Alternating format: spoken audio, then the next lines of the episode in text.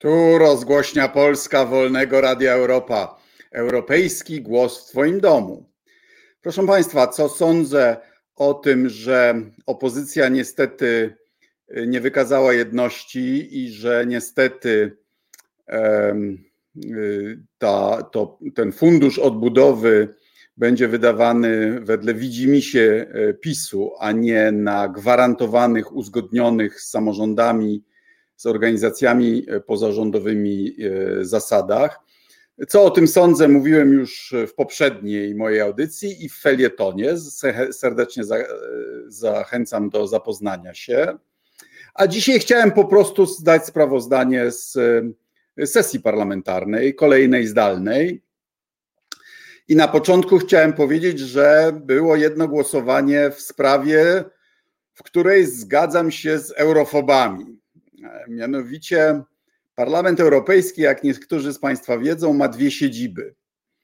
Tak zwane mini sesje w Brukseli, a główne sesje w Strasburgu.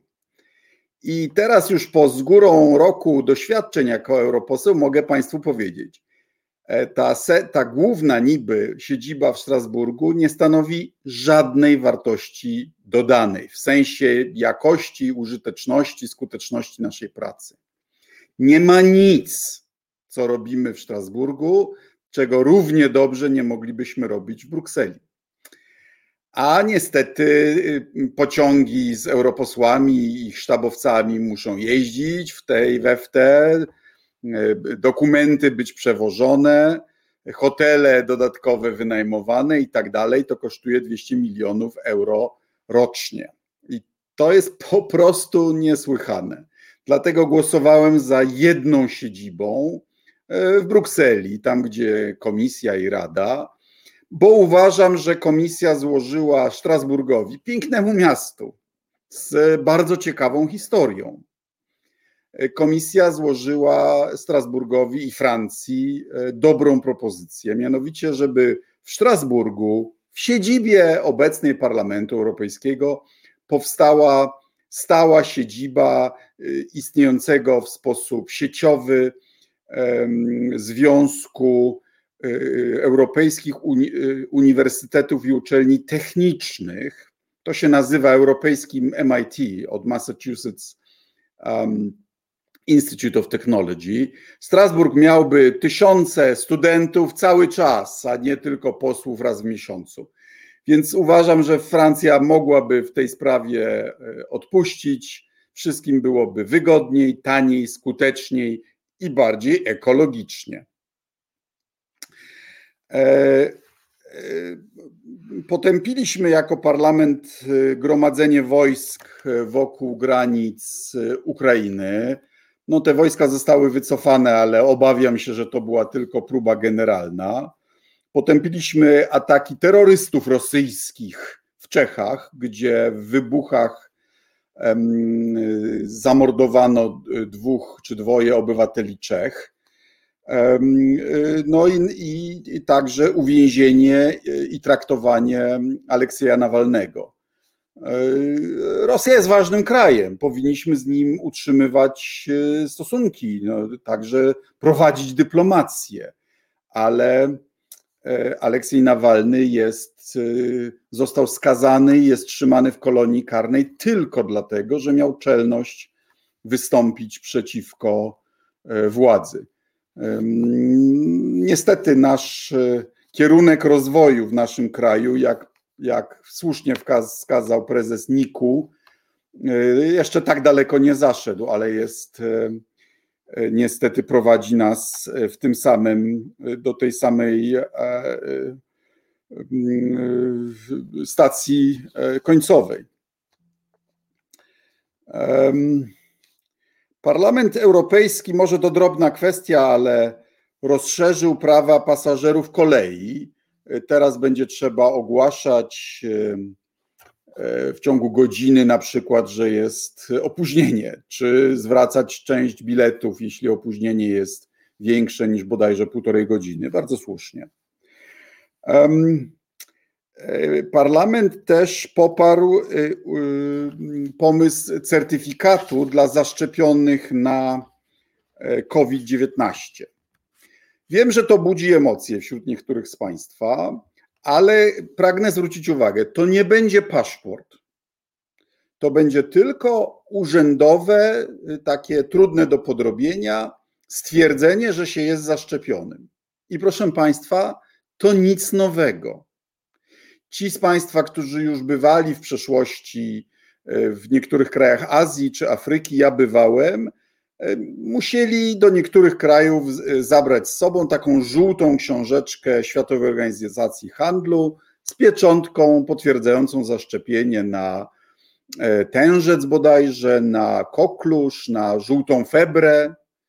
No i to będzie y, y, trochę to samo, tylko w formie trudniejszej, do, w bardziej takiej technicznie zaawansowanej formie. Ja nie widzę tu wielkiego problemu. Nie uważam, żeby to było ograniczenie y, jakichś obywatelskich praw, bo no, będzie to dobrowolne, a, a rozumiem, że w niektórych miejscach po prostu umożliwi to odmrażanie gospodarki no a przede wszystkim na tym, nam na tym zależy.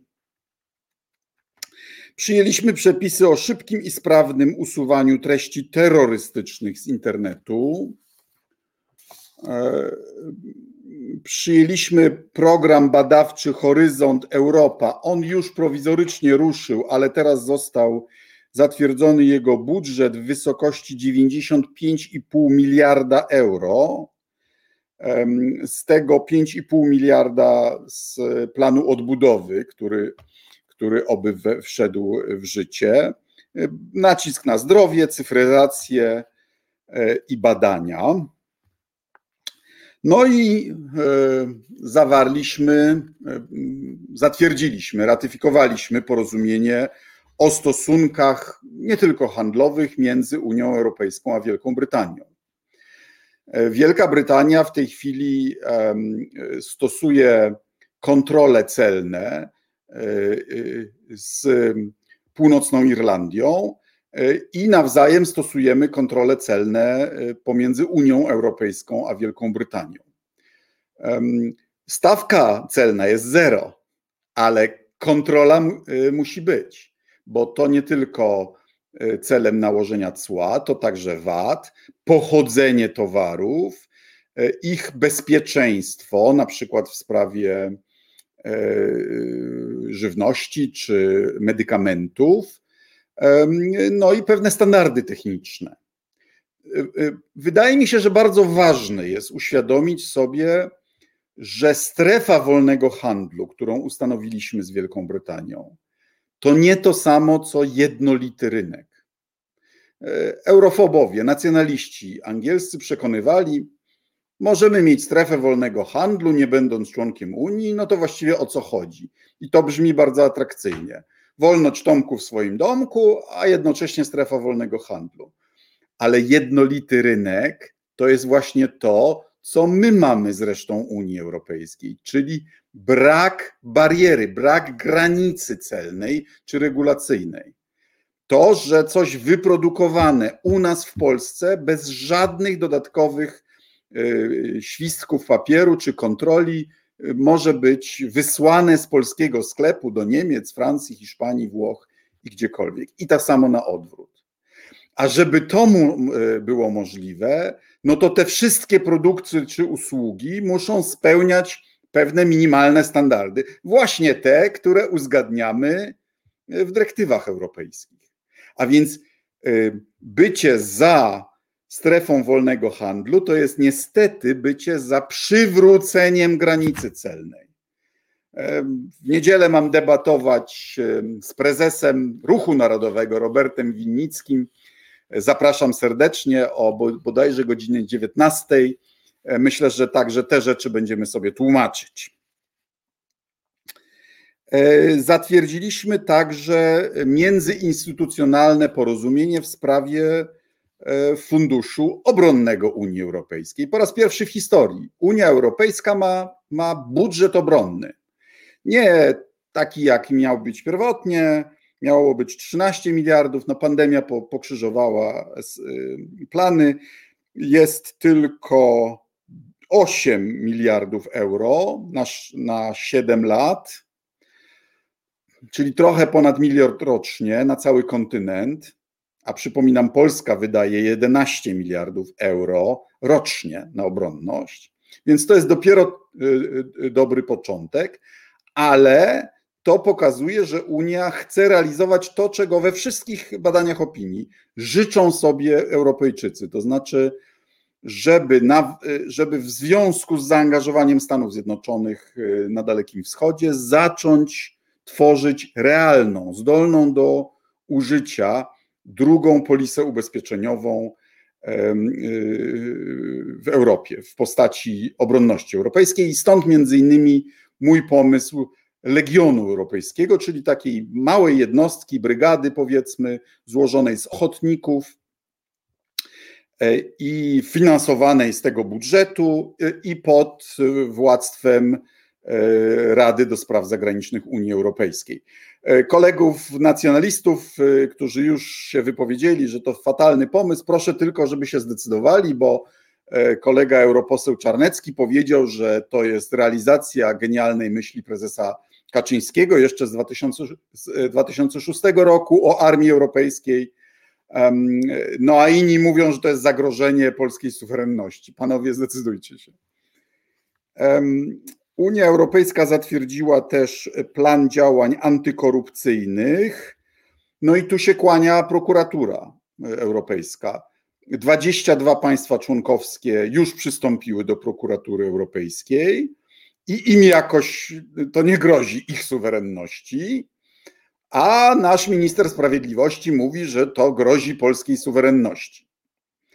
To jest ten sam minister sprawiedliwości, który ma sprawkę z OLAF-em, czyli e, e, instytucją antykorupcyjną e, Unii Europejskiej za kongres partyjny zrobiony wbrew przepisom za unijne pieniądze.